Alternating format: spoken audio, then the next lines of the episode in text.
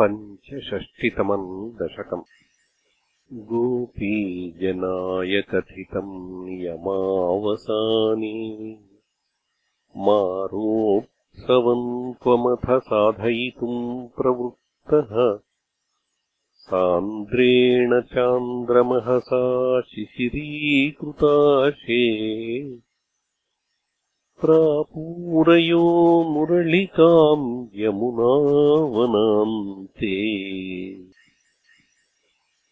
सम्मूर्च्छनाभिरुदितस्वरमण्डलाभिः सम्मूर्च्छयन्तमखिलम् भुवनान्तरालम् त्वद्वेणुनादमुपकर्ण्यविभो तरुण्यः तादृशम् कमपि चित्तविमोहमापुः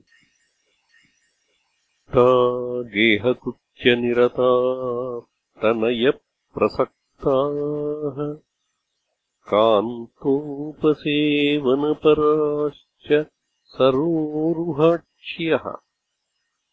सर्वम् विसृज्य मुरलीरवमोहितास्ते कान्तारदेशमयि कान्ततनो समेताः।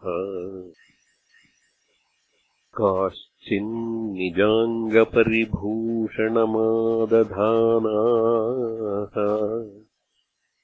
वेणुप्रणादमुपकर्ण्यकृतार्धभूषाः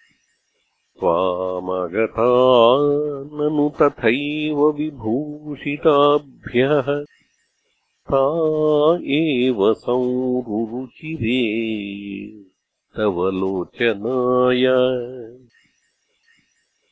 हारम् नितम्बभुवि काचन धारयन्ती। काञ्चीम् च कण्ठभुवि देव समागता त्वाम्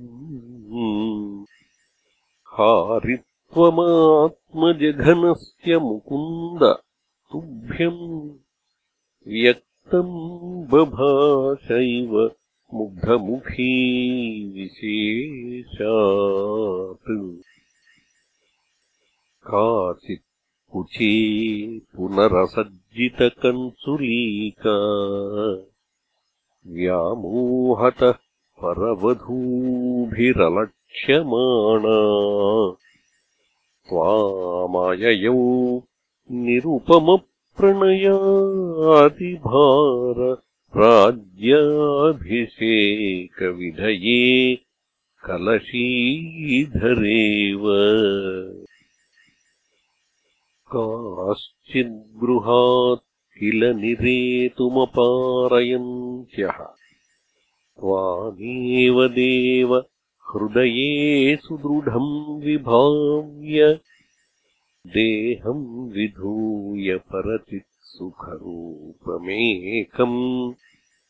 त्वामाविशन् परमिमा ननु धन्यधन्याः। जारात्मना न परमात्मतया स्मरन्त्यो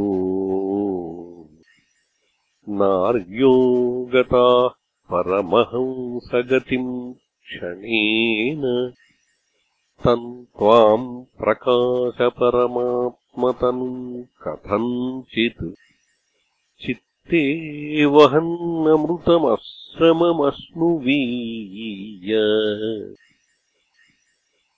अभ्यागताभिरभितो व्रजसुन्दरीभिः मुग्धस्मितार्द्रवदनः करुणावलोकी निःसीमकान्तिजलधिस्त्वमवेक्ष्यमाणो विश्वैकहृद्य हर मे पवनेश रोगान्